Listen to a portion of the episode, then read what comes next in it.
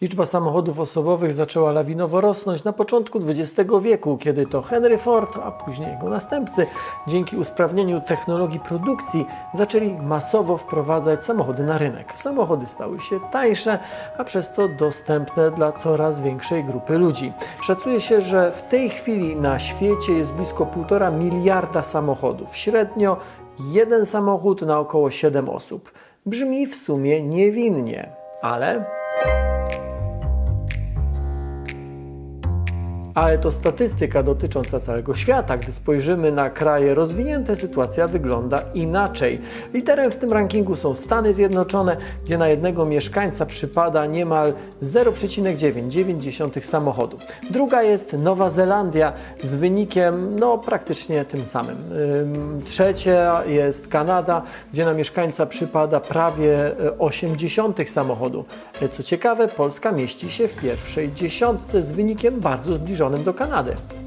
Bardzo często w kontekście e, smogu i zanieczyszczeń powietrza mówi się o tak zwanej niskiej emisji, na przykład z pieców niskiej jakości albo z powodu paliw niskiej jakości.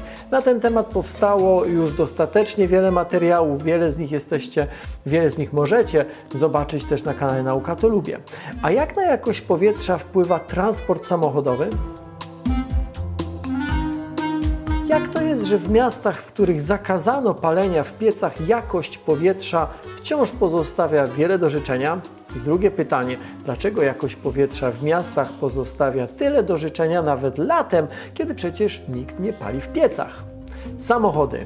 Skoro mamy tyle samochodów i mocno je eksploatujemy, nie może to pozostawać bez wpływu na jakość powietrza. Zdajecie sobie sprawę z tego, że każdego dnia granice Warszawy przekracza milion samochodów. Wiele z nich stoi w korkach, a przecież nikt stojąc w korku nie wyłącza silnika samochodowego. W dużych miastach wpływ ruchu samochodowego na zawartość szkodliwych tlenków azotu czy ogólnie na czystość powietrza jest bardzo duża. Wpływ ten sięga kilkudziesięciu procent i jest tym większy im bliżej centrum miasta. Szacuje się, że na przykład w centrum Warszawy jest to aż 90%. Głównym problemem wzmożonego ruchu samochodowego są efekty uboczne spalania benzyny lub ropy. W spalinach zawarte są tlenki azotu i węglowodory, które przedostają się do otoczenia, do powietrza i utrzymują się tam dzięki wysokiej temperaturze.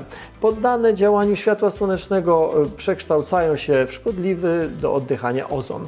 W ten sposób tworzy się smog fotochemiczny.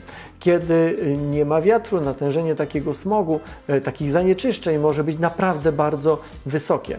Zanieczyszczenia z powietrza bardzo szybko przedostają się też do gleby i do wody, bo przecież powietrze, gleba i woda są ze sobą w stałym kontakcie. Samochody poza emisją spalin z róż wydechowych mogą wpływać na zanieczyszczenie środowiska także w inny sposób, chociażby poprzez emisję pyłów i par w wyniku tarcia klocków hamulcowych, czy też em, ponownie wzburzając czy wzbijając zanieczyszczenia, które osiadły na jezdni. To może brzmi abstrakcyjnie, ale pyłu, jaki powstaje przez ścieranie klocków hamulcowych o tarczę, jest bardzo dużo. Szacuje się, że w ten sposób z jednego samochodu powstaje nawet pół grama szkodliwego dla środowiska pyłu w ciągu roku. W Warszawie zarejestrowanych jest ponad 2 miliony samochodów. Granice miasta każdego dnia przekracza milion samochodów.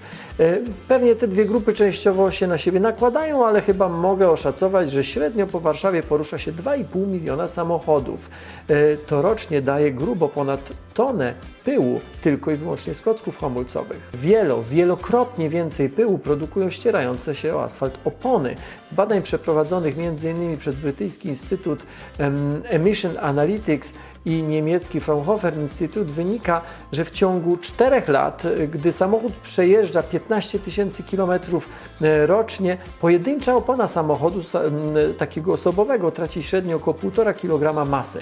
Teraz pomnóżcie to przez 4 opony na samochód i przez miliony samochodów. Jasne, że część z tych startych elementów jest za ciężka, żeby się unosić w powietrzu, ale i tak z danych wynika, że około 1 trzecia wszystkich mikroplastików, które znajdują się w naszym otoczeniu, pochodzi ze startych opon samochodowych. Mówiąc z danych wynika, jak zawsze na nauka to lubię, materiały, na których oparłem ten odcinek, czy źródła do tych materiałów, do tych danych znajdziecie w opisie. Myślę, że mówiąc o powietrzu niskiej jakości w mieście, nieczęsto myślimy o startych oponach czy o klockach hamulcowych. I między innymi po to zrobiłem ten odcinek, żebyśmy zaczęli o tym w ten sposób myśleć. To oczywiste, że zanieczyszczenia powietrza i całego środowiska w miastach mają wpływ na nasze zdrowie.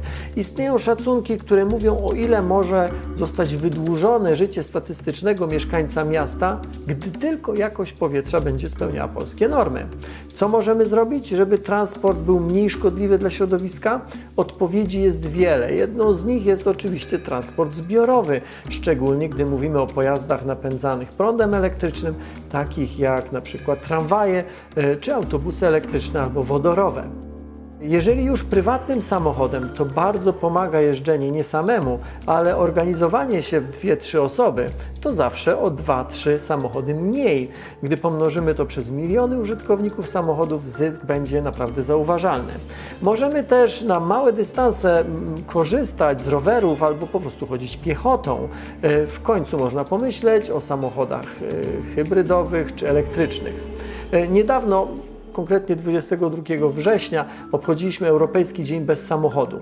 Ludzie w wielu miastach mieli okazję skorzystać z darmowej komunikacji miejskiej. W końcu jeden autobus zajmuje na drodze miejsce e, kilku samochodów osobowych, a może przewieźć nieporównywalnie większą liczbę pasażerów niż samochód osobowy.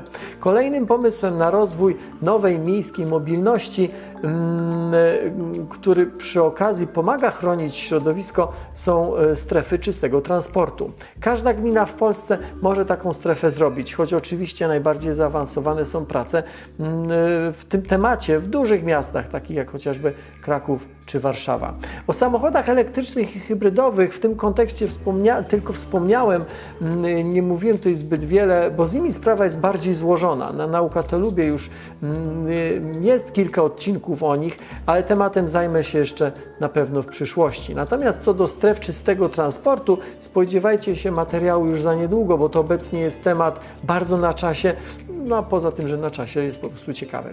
Nauka to lubię nie tylko na Facebooku i YouTubie. Zachęcam Was do odwiedzenia mojej strony naukatolubie.pl, a ten materiał powstał we współpracy z Clear Air Found.